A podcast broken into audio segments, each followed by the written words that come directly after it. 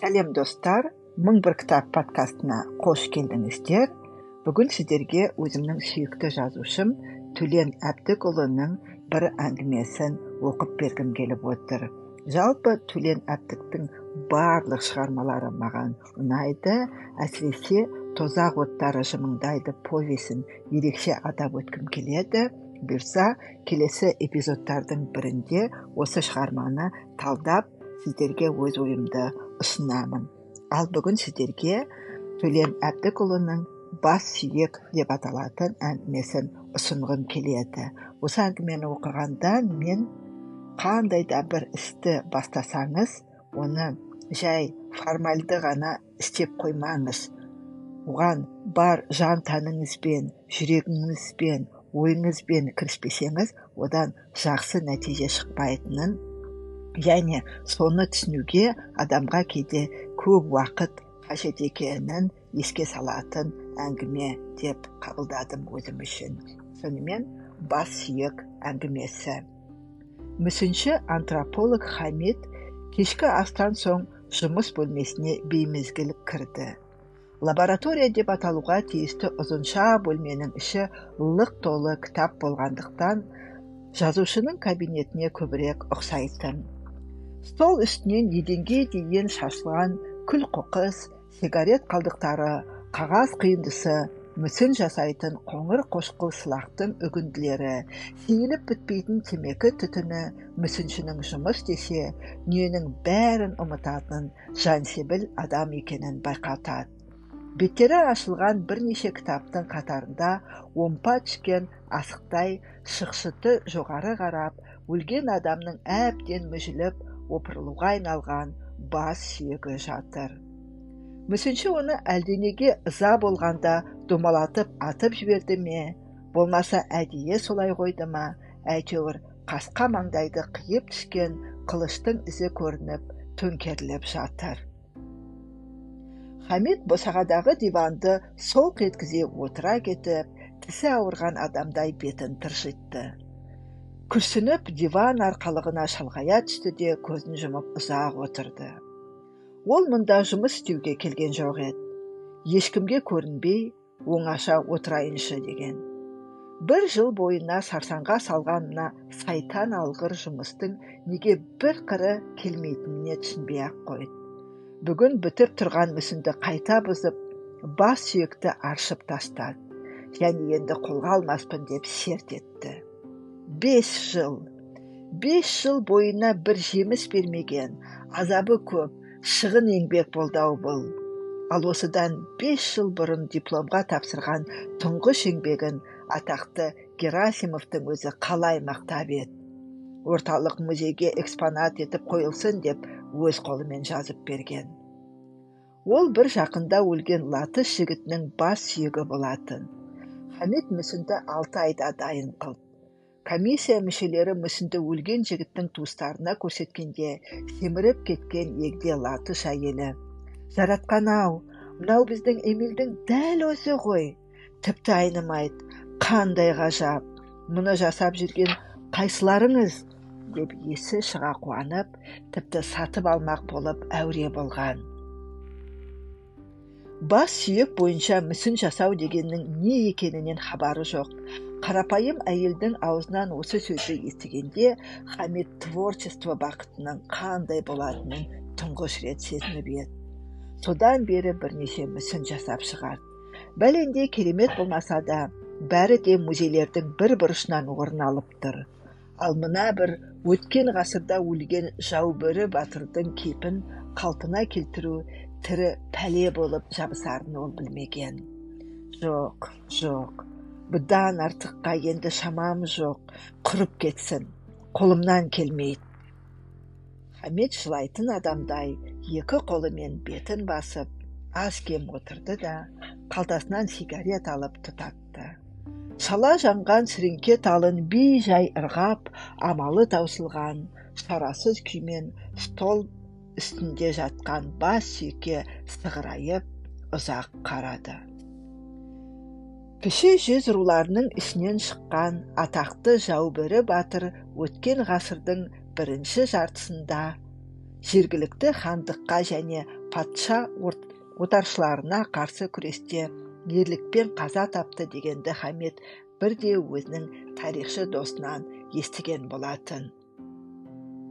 Егер сен жаубөрінің мүсінін жасап шығара алсаң бұл еңбегің үшін саған ескерткіш орнатуға болады деген әлгі досы. Сен өлі тарихты тірілтер едің. Ұғып тұрмысың бауырым. Сен өлі тарихты тірілтер едің. Хамит өз басы жаубөрінің тарихта қаншалықты құны барын айырып білмесе де айтуға қарағанда бейнеттеніп көруге тұрарлық адам ғой деген оймен өткен жылы моласын ашуға үкімет орындарынан рұқсат қағаз алған.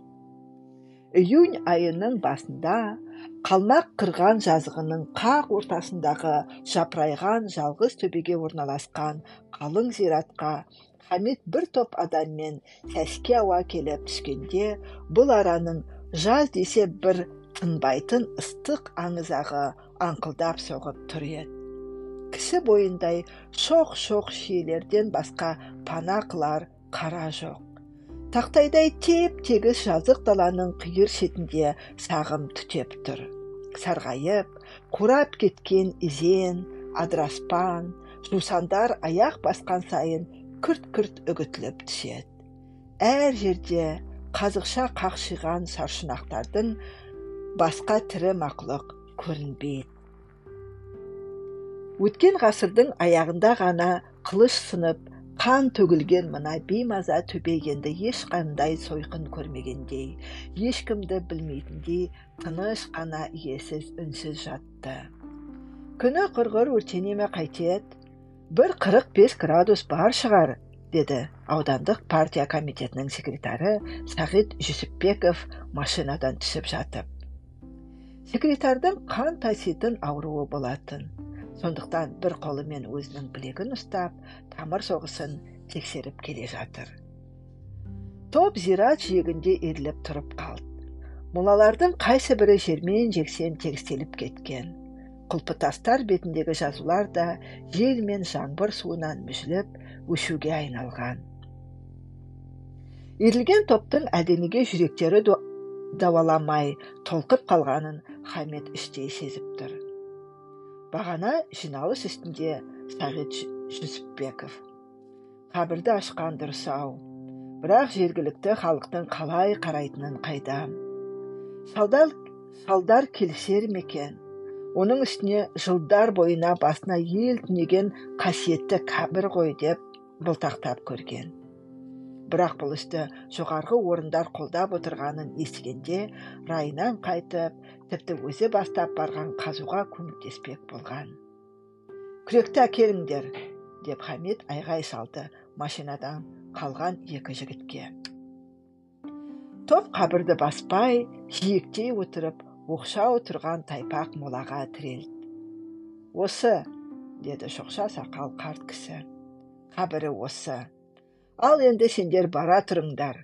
Мен аруақтарға арнап бірдеңе оқи қояйын қабір беті қаулаған шөп. Ернеуіне шей салған құлпытастың үстінде күн көзінен оңа бастаған күміс ақшалар жатыр. Жазулар өшуге айналған. Тек терең ойып салынған айдың суреті ғана айқын көрінеді. Шал майда топыраққа шарта жүгініп құранды күбірлеп ішінен оқыды қолын жайып бетін сипады да ақырғы рет анықтап көргісі келгендей қабірге үнсіз қарап ұзақ отырды. Содан кейін асықпай орнынан тұрып тізесінің шаңын қақты. Мейлдерің қарақтарым деді жұрт күректерін ыңғайлай бастағанда. Мен аулаққа бара тұрайын. Көрмегенім жөн. Жүрек құрғыр нашар ғой. Жарықтықтың кейпін кім көргісі келмейді дейсің. Бірақ мола ашу деген құдай салмасын. Айтпақшы жау бөрінің ұрпақтары ошақтыда тұрады. Олар естімеген ау шамашы! әйтпесе шауып келіп шатақ жасар еді. Шал осыны айтты да бұрылып машина жаққа кетті. Бастадық! деді хамит құлпытасты орнынан жылжытып жатып. Алдымен мына төмпешікті құртып тегістеп алайық! Сосын өлшеп қазармыз. Майкешең тұрған төрт кісі күректерін қабірдің шөп қаулап кеткен етегіне сүңгіте бастады. Бір жарым сағат шамасында қабірдің орны тегістеліп болды. Хамит ұзындығын төрт метр көлденеңін екі метр етіп өлшеп сызды да жұмысшылар сызық бойымен тереңдетіп қазуға кірісті. Олар анда санда әлденеден секем алып кідіріп қалғанда хамит қаза беріңдер қаза беріңдер ой тәйір ау адамның қаңқа сүйегінен қорыққан сендерді көрдім деп көңілдене айғай салады. Түс кезінде күн тіпті қайнап кетті. Жұмысшылар машинаның көлеңкесіне бір сағаттай тынығып алды. Күн бесінге еңкейгенде қабір бір метрден астам тереңдеп топырақтар дымқыл тартып қазуға әжептәуір жеңілдеп қалған. Осы кезде екі жұмысшының екеуі де шұңқырдан қарғып шықты. Жеттік жеттік! деп айғайлады біреуі хамитқа. Құрысын күрегім бірдеңеге шарқ ете қалды. Ту зәремнің ұшқаны ай бұл қалай? деп ойлады түсінбей қалған хамит. Мұндай тереңдіктен шығуға тиісті емес еді ғой. Қалай болғаны сонда? Қалтасынан пышағын алып орға қарғып түсті. Сосын майда топырақты қолымен жайлап ашып ағарып көрінген сүйектің айналасын шұқылап қаза бастады. Фу! деді ақырында кейін сөйлеп. Айттым ғой мүмкін емес. Мұндай тереңдіктен шығуға тиісті емес. Хамит кеңсірігі опырылып ішіне түскен аттың басын қабірден асырып лақтырып жіберді. Бағанадан бері машинаның көлеңкесінде аруағы басым жау бөрінің киесінен мына тобырға бір тойтарыс болмас па екен деп тілеп отырған қария айғай шыққанда дәме күтіп қарап қалған. Қабірден лақтырған аттың басын көргенде ұзамай өлікке де жететінін сезіп шошынып кәлимаға тілін келтірді. Таңертеңгі жиналысқа анау қазақ жігітінің өткен ата бабаларымыздың бейнесін жасау біздің міндетіміз ол кезде суретке түсіру атымен болмаған. Бабаларымыздың қандай екенін ешқайсымыз да білмейміз. Мен соларды тірілту үшін келдім. Бірақ бұл өліктің бас сүйегінсіз іске аспайды жау бөрінің қабірін ашуға сіздерден көмек қажет деген сөзі толық болмаса да көкейіне ептеп ұялағандай болып еді. Бірақ мына қазірдегі мінезі қабірден қорықпағаны қасиетті батыр ау деп именбегені түрлі құрлағандай болып отыр. Қазақтың баласы емес пе шіркін? Тіріні сыйламаса да өлікке деген инабат болмаушы ма еді? деп ойлады ішінен. Қазу қайта басталды. Жұмыс өнімді болу үшін жұрттың бәрі қабірге кезектесіп түсіп отыр. Күн екіндіге құлағанда үш метр тереңдіктен өліктің сүйегі көрінді де бұдан соң қабірге ешкім жоламай қойды. Хамит жалғыз өзі екі сағат қара тер боп жер қазды. Күн бата сүйек қабірдің ернеуіне шығарылды.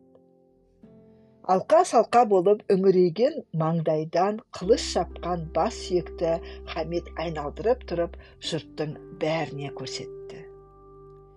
Айқас үстінде өлгені көрініп тұр. Қылыштың көлденең ізіне қарағанда шалқасынан жығылғанда ұрған тәрізді. Ең тамашасы бас сүйек бұзылмаған. Пожалуйста көріп шығыңыздар. Жұрт бір бірлеп бас сүйекті қолдарына алып көре бастады. Бәрі де аты аңызға айналған жаубөрі батырдың қасиеті қай жерінде екенін білгісі келіп мұқият қарады. Кескін қияпетін көз алдарына елестеткісі келді. Апырай тегі ештеңеден сескенбейсіздер әбден еттеріңіз өліп кеткен ау ә? деді жүсіпбеков үсті басы шаң шаң болған хамитке қарап. Бұл біздер үшін ғылыми предмет қана деді хамит төркөз орамалын тершіген маңдайына басып. Ғылыми предмет қана қабір басына қария да келді. Қария қанша діндар болса да жаңалықтан хабары бар көзі ашық ақылды адам болғандықтан батырдың сүйегіне бір рет көз тоқтатып қарауға қарсы болған жоқ ол тіпті ақылға салып осынау жасалып жатқан істің бір жақсылық мағынасы барына түсініп іштей келісімге де келген бірақ тірісінде пенде баласын басындырмаған батырдың басын осынша асықша иіріп қақпақылдамай қастерлеп қаймығып қолдары қалтырап ұстаса екен деп тіледі. Хамит басты арнаулы қобдишаға салды қалған сүйектерді тағы мұқият санап шықты. Бұл кезде жұмысшылар да қабірді қайта жауып үлгерген еді. Батқан күннің қызыл шапағы өлеусіреп сөніп барады. Даланың қоңыржай ымық кеші орнап күндізгі қапырықты сейілтіп жіберді. Ымырт үйіріле жолаушылар зират басынан қозғалып кетті. Командировкадан оралысымен хамид жаубөрінің мүсінін жасауға қызу кірісті. Осы қарқынымнан таймасам алты айда тәмамдап қалармын деп ойлаған еді ол. Бірақ мүсін төрт айда дайын болды. Күндізгі сағат он бір жарымда еріген воскіні шымшылай жапсырып сол кездегі мұсылмандарға лайық шоқша сақал бейнесін жасады да хамид шегініп барып төрт бес метр жерден мүсінге сынай қарады. Бірақ қанша қараса да кесімді бағасын бере алмады. Ұзақ жұмыстан сарыла қарағанынан титықтап шаршағанын сезді. Осыдан соң хамид мүсінді жәшікке салып тастаған. Екі ай өткізіп тың көзбен қайта қарағанда ол түндер бойына терін төккен мына еңбектің мүсін емес әшейін маска болып шыққанын айқын көрді. Бәрі де орнында. Көздің ойығы мұрын ерін қалыңдығы бәрі математикалық дәлдікпен мұқият өлшенген. Бірақ қайтесің. Маска. Теп тегіс бұдыр жоқ сірескен бірдеңе. Хамид масканы тағы төрт ай өңдеді. Жылдар бойына мысқалдап жинаған тәжірибесін аяған жоқ. Герасимов петровтардың бүкіл еңбектеріне тіпті әлде қашан шегі қурап қалған тұңғыш мүсінші антрополог неміс шаффенгаузеннің әдісіне де тоқталып ерінбей талдап шықты. Төрт айдан кейін ол еңбегім қанағаттанарлық деп тауып орталық музейде жаубөрі мүсіні қалай жасалғаны туралы лекция өткізді. Әу баста мүсіннің жасалу кезінде басы қасында болып араласып жүрген әріптес мамандар хамиттің бұл соңғы еңбегіне бәлендей кінә таға алмады. Олар мұны көркем мүсіннің өкілдері үшін таптырмайтын бағалы туынды деп тапты. Осылай деп бәрі сөз сөйледі. Бірақ мүсінді ел көзіне ортаға қойғанда күтпеген жағдай болды. Жиналған халық тас мүсінге аз кем үнсіз қарап қалады да артынша бәрі бір ауыздан. Жоқ бұл жәубері емес. Жәубері мұндай болуға тиісті емес деп шу ете қалады. Хамид алғашында бұған қысыла қоймаған. Мен мұны тек антропологиялық өлшемдер мен математикалық дәлдікке сүйеніп жасадым деп дәлелдеді ол отырған жұртқа. Мен көркемөнер мүсіншісі емеспін мен мүсінші антропологпын сондықтан жаубөрінің образын емес антропологиялық пішінін ғана сақтауды мақсат еттім ұзын бойлы көзілдірікті арық жігіт түрегеліп хамитқа тесіле қарады егер жирафтың мойнын мойнының ұзындығын алып тастаса ол жираф болар ма еді деді көзін аудармай әрине болмайды ендеше жау бөрінің кескіндегі батырлықты алып тастаса ол да жау бөрі болмайды. Сізді солбырайған ауыз мұрыннан басқа түк жоқ.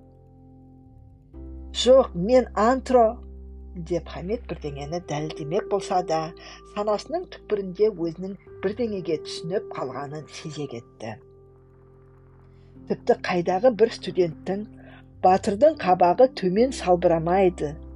Шаншылып тік тұруға тиісті деген сөзінің де біртүрлі жаны бар секілді. Сіздің мынауыңыз маска деді тағы да көзілдірікті жігіт. Маскадан ешқандай маскада ешқандай кескін болмайды өйткені онда мағына жоқ лекцияға жазушылар ғалымдар келген. Олар герасимовтың еңбектерін мысалға ала отырып туындыны сәтті сәтсіздігі мүсіншінің ішкі рухани байлығына байланысты екенін. Мәселен жау бөріні жасау қажет болса алдымен жау бөрінің тарихтағы алатын орнын халқына қадірін өмірін жақсылап зерттеу керек екенін сонда ғана бірдеңе шығаруға болатынын дәлелдеді. Бірақ хамит бұған да мойынсұнған жоқ. Арнайы командировка алып ошақтыда тұратын жау бөрінің руы серлерге барып батырдың жүзін көріп қалған адам жоқ па деп сұрастырды. Ақыры 97-ге келген мұқаш шал көрген екен деген сыбыс естіп хамит совхоз орталығына келді. Мұқаш түрі сахарға салғандай аппақ сақал шашы да аппақ қаудырап бітуге тақаған шал екен. Мүкіс құлағын қалқалап жөн жәубөріні мен жәубөріні көргенім жоқ дегенді айтты. Көре алмадым деп басын шайқап бар білетінім жәубөрінің нәркес деген жалғыз ұлы болатын бертінде тырысқақтан өлді жұрт сол ұлын әкесінен аумай қалған деуші еді отты жігіт болатын мырт қойып жүрді ау деймін сол кезде ал өзін көре алғам жоқ бәлкім сол да жетер деді қуанып кеткен хамит мүсінін салынған қорапшаны асып жатып мен жаубөрі батырдың бейнесін жасап едім ата. Ұлына қарап шамалап көріңізші. Ұқсай ма? Ұқсамай ма? Шал алдына шошайып кеткендей шал алдында шошып кеткендей болды да мән жайды тағы бір баяндап шыққаннан кейін түсінсін түсінбесін қолын көлегейлеп қарай бастады. Қайдам шырағым деді тағы да тайсақтап мен көрген жоқпын ғой. Қайдан білейін? Шалдың бұрын соңды мүсінге қарап адам ажыратпағаны көрініп тұр. Сонда да қарап көріңізші ата. Шал тағы да қабағын түйіп алып сипалап қарай бастады. Кенет қулана жымиып мынау біздің милиция оқап секілді екен? дегенде отырған жұрттың бәрі де күлді. Шалдың ұқсата алмай отырғанын анақ анық сезді. Сонда енді қандай кісі болғаны? деді соңғы үміті үзілген мүсінші. Осылай отырғанда адам бетіне тіктеп қарай алмайтын жүзі суық болыпты ғой. Деп шал жәубірінің сұсынан қазір қорқып отырғандай нұры қашқан кәртең көзімен хамитке үрейлене қарады. Хамит небір сүсті бейнені көз алдына елестетіп көрді. Бірақ зәу бөрінің қандай екенін анықтап көре алмады. Ақыры бір жыл маңдай терін сіңірген мүсінді бүгін қиратып барып тынды хамит стол үстінде жатқан бас сүйекке сығырайып ұзақ қарады. Әлдеқашан көзі буланып үй ішін қараңғылап басқан. Сол себепті бас айқын көрінбеді. Терезеден көше шамдарының болмашы сәулесі білінеді. Бірақ тұрып шам жағу хамиттің есіне келген жоқ. Қалтасынан сигарет алып тұтатты да жұмсақ диванға қисая кетті. Тағы да сол бір мезі қылған сәтсіз еңбектің анық себебін іздеді. Музейдегі лекцияны көзілдірікті жігітті мұқаш шалдың әжім жапқан аппақ жүзін елестетті. Бөрінің тарихтағы орнын халқына қадірін өмірін жирафтың мойнының ұзындығынан алып тастаса түсі суық болыпты ғой. Жоқ бәрі де әншейін теория жоба тұспал айтуға ғана оңай сөздер ғой. Болмаса таза қабілет пен ғылыми тәжірибеден тұратын осы кәсіпке қанша қажеті бар сол сөздердің. Трибунаға арналған сондай ресми кеңесті мен де айтар, айта алар едім біреуге талант дегеніміз махаббат үлкен еңбек сезімнен ғана туады немесе халық алдындағы борышты сезінуден туады ту қандай тәтті сөздер түсі суық болыпты ғой жирафтың мойны түсі суық хамит өзінің ұйықтап кеткенін сезген жоқ. Біреу тұншықтырып жатқандай тынысы тарылып бастырлығып уянды үсті басы малмандай тер. Жүрегі тарсылдап үрейленіп маңайына қарады. Бөлмеде шам жоқ. Дағарадай иесіз лабораторияда жалғыз өзі диванда жатыр. Терезеден құлаған ай сәулесі үстел үстіндегі бас сүйекке жартылай жарық түсіріп тұр. Бастың үңірейген көздері бір түрлі тесіле қарайтын секілді. Түсі суық. Хамит әлгі үңірейген көздің орнынан жылт жылт еткен нағыз суық көзді анық көргендей болды. Түсі суық.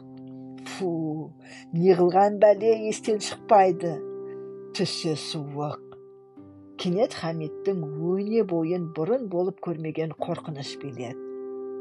Ол тұңғыш рет өзін сезімге билетіп мына дағарадай иесіз бөлменің ішінде қараңғылықтан өліктің бас сүйегінен балаша қорықты. Алғаш салқын тер көмген маңдайын алақанымен басып ауырып қалмасам болар еді деп ойлады. Бұл не сұмдық? Түсі суық хамит ай сәулесі түскен басқа тағы қарады. Тағы да тереңнен жылтыраған суық көз анық көрін. Қорқынышы бұрынғыдан да ұлғайып тізелері қалтырай бастады. Бекер ұйықтап қалдым. Бәрі де әлгі бастырлыққаннан ғой деп ойлады қорқынышын басқысы келіп. Қалай ыңғайсыз жатқам өзім? Хамит тұрып шам жақты. Сағат төрт жарым.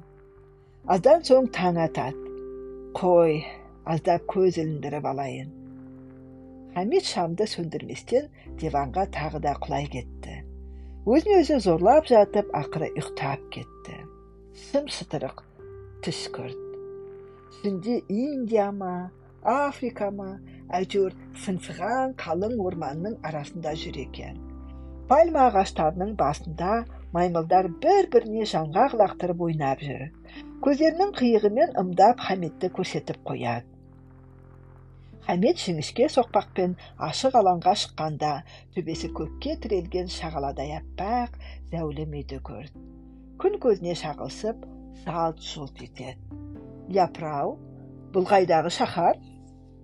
Бұл жыныс орманда аңдар дүниесінен басқа ештеңе жоқ дейтіні қайда? Үй төбесінен бір жіңішке мұнара шығады. Мұнараның шар басында жерге секірерде екі қолын жайған жау бөрінің ескерткіші төніп тұр. Ол да шағаладай аппақ. Шоқса сақалы бар орақ мұрын көздері шылт шылт етеді. Осынау ғажайып көрініске есі шығара қайран қалған хамит өне бойын бір беймағлұм сезім билеп өксіп жылап жатыр. Неге жылайсың? деп ақырады. Неге жылайсың? деп ақырады біреу ту сыртынан жалт қараса ертедегі рим әскерінше киініп қолына қалқан ұстаған жау бөрі екен. Шауып тастардай қылышын кезеп тақап келеді. Неге жылайсың иттің күшігі? Мынандай қиял жетпейтін ғажайып ұлылықтың бар екеніне қуанып жылаймын тақсыр ием. Басқа ешқандай ойым жоқ тақсыр ием деп хамит жалбарынып аяғына жығылады. Сен жылама дейді батыр. Саған мен бір құпия сыр айтайын. Мені жұрт орыстардың қолынан өлген деп жүр. Олай емес. Мені өлтірген өз серлерімнің біреуі. Сен соны ізде. Сөйт деді арқасынан қағып. Хамит оянып кетті. Күн сәулесі диванға жетер жетпес қалыпты. Таңғы торғайлардың шықылықтап сайраған әсем әні мен гүрілдеген автобус үндері айқын естіледі. Хамит диванның қыры батып кеткен қара құсын сипалап ұзақ жатты. Түнде қорыққанына енді күлкісі келді қызық екен деді естірте орнынан тұрып жатып. Шаршағаннан ау бәрі де шамасы. Сосын мұжырайып қалған шалбарын бір рет қағып қағып жіберді де үстел жанына барып бас сүйекті аударып жөндеп қойды. Хамит жәубөрі батырдың мүсініне қайтып оралмады. Оралмайтынын білгеннен кейін сүйекті қайтадан қабіріне апарып көмбек болып сентябрьде командировка алды. Сентябрь айы ерекше жауын шашын болып тұрған бір кез еді. Таңертеңмен жауған жауын сылп сылп етіп кешке қарай сәл саябырласа да басыла қойған жоқ. Құмтөбе мен ошақтының арасындағы борбастан машина ыңыранып әрең жылжиды. Хамит облыс орталығынан ерте ақ шыққан. Бірақ мынау жауында ауданға жете алмайтынын сезіп отыр. Сондықтан ауданға әуре болмай осы ошақтыдан үш төрт адам алып ертең зиратқа бара салмақ оймен шоферға машинасыны осылай қарай бұрғызды ошақтыға ымырт үйіріле келген хамет бірден мұқаш шалға түсті. Шал былтырғыдан да қартайып шөккен екен. Аздап алжыған секілді. Кісіге сөз бермей жалғыз өзі балпылдап сөйлеп отыр. Төрде домбыра тартып отырған жылтыр қара шалды жиенім деп таныстырды. Хамитті есіне әзер түсірді. Былтырғы милиция ұқапты не істедің? деп қалжыңдап қояды. Шайдан кейін мұртты қара насыбай атып алып күй тартуға кірісті. Әуелі жай сазды күйлерден бастады да сосын еспе тентек күйлерге ауысты жау бөрінің жауға шабарын тарт деді мұқаш сал көзі жылтырап. Тартшы кәне мұртты қара домбыраны басқа бір бұрауға түсірді де ә дегенде ақ сағалатып бастады. Екіленіп сабалап тез тартты. Анда санда барабан ұрғандай домбыраның шанағын сарт еткізіп шертіп қояды. Мұқаш тұғжиып қыбыр етпей тыңдап отыр. Жөткірініп қалған хамитқа тыныш отыр дегендей қабағын түйіп бір қарады. Күй үсті үстіне екіленіп одан соң үстіңгі шекте қадала боздап зарлы бір үнмен аяқталған кезде мұқаш басын тәкаппар кекжитіп көтеріп алды. Мына сатайдың жаман боркемік шалдары осы күйді жылап отырып тыңдайды екен деді сатайлар тұратын жақты иегімен нұсқап. Ал мен жыламаймын. Бұл жылайтын күй емес. Жаубөрі бұл күйді жыласын деп шығарған жоқ. Өсиет етіп қалдырып отыр. Ата мынаған жауап беріңізші деді хамит әңгіме өрбіту үшін. Жаубөріні өлтірген орыстар ма? Жоқ серілердің өздері ме? Тек деп шал шошып кетті. Ол не сұмдық? Кім оны оттап жүрген? Жаубөріні сері ешқашанда өлтірмейді. Өздері жаубөрі үшін талай өлген. Оны өлтірген орыстар да емес. Мына атаңа нәлет бекет хан соның құйыршықтары. Бұдан соң шал жаубөрінің ерліктері жайында ұзақ толғады өзінің өлер шағында ақырғы ашуын ақырғы уайымын сыртқа бір шығарып біресе егіліп көзіне жас алып біресе бекетхан тұқымына кәрін төкті. Дастархан жиналып алдыға ет келгенде де шал ашуын баса алмады. Әкеден түсіп алып әлдекімдерді сыпыртып боқтап отыр. Әке тамағыңызды ішсеңізші деді баласы орта жастағы көше сары. Бүгін тым сөйлеп кеттіңіз ғой неге мен сөйлемеймін айтшы ой жаман шірік неме қауқиған басыңның ішін ойбай қойдым қойдым тамағыңды ішші өзің деді баласы табақты көрсетіп. Үйде қонақ отыр тегі жегізбей қойдың ғой шал үн түнсіз еттің нанынан екі үш асады да бір кесе сорпа ішті жаубөрі соңғы жорыққа шыққанда деп әңгімесін қайта бастады соңғы жорыққа шыққанда ағайындарын жинап алып айтқан екен қалың қазақ тіріде қадірімді білмеп ед өлген соң басыма күмбез орнатпаңдар деп жарықтық білген ғой осылай боларын бірақ солардың аруағын мұрат қып көтермеген адам қайда, бор, қайда барып сұлтан болар дейсің? Әлі күнге қабірі қалмақ қырғандағы жалғыз төбеде шөп басып иесіз жатыр. Ал былтыр өлген әкесіне бухгалтер ермек әшекейлеп күмбез орнатты. Көрдің бе? Шал әлдекімдерді тағы да сыпыртып боқтады. Жаубөрі жайында қайтып әңгіме қозғаған жоқ. Хамит түн жарымы ауғанша көз ілмеді шалдың бет әжімі қырық бөлек болып бекетхан тұқымын нәлеттеп қаһарланған көздерін жаубөрінің өлердегі сөзін айтып кемсеңдеген кездерін көз алдына елестетумен болды осынша тарихтың өзіне осынша тарихтан өзінің бейхабар екеніне өкінді ертеңіне ошақтыдан үш адам ертіп сәске болмай қалмақ қырғандағы зиратқа тартты.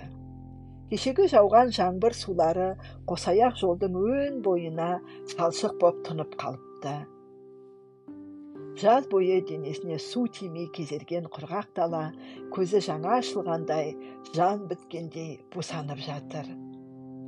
Бұлар қабір басына жеткенде күзгі қорғасын бұлттың арасынан күн көзі жылт етіп төбешік басындағы қалың зиратқа сәулесін түсірді.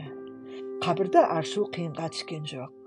Жұмысшылар бір жарым метрдей тереңдікке жеткенде хамид өзге сүйектерді қорапқа салған күйінде қабірге түсірді де бас сүйекті өзіне алып қалды. Өткен жолғыдай үйіріп айналдырған жоқ.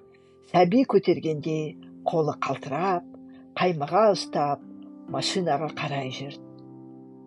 Менің тұрғызған күмбез менің тұрғызған күмбезім енді осы болсын деді ішінен күбірлеп. Әлдебір іске тас бекінген түрі бар. Осымен әңгіме аяқталды. Сіздерге де маған қалай әсер етсе сіздерге де солай әсер етті деп ойлаймын. Сонымен бүгінгі мың бір кітап эпизодын аяқтаймын. Кітап оқыңыздар. Өз ойларыңызды айтыңыздар бір бірімізге мейірімді болып кітап оқып ойымызды айтып қолдап жүре берейік келесі кездескенше мың бір кітап подкастын жүргізуші бақытгүл салыхова жақсы күндері жиі кездесіп тұрайық сау болыңыздар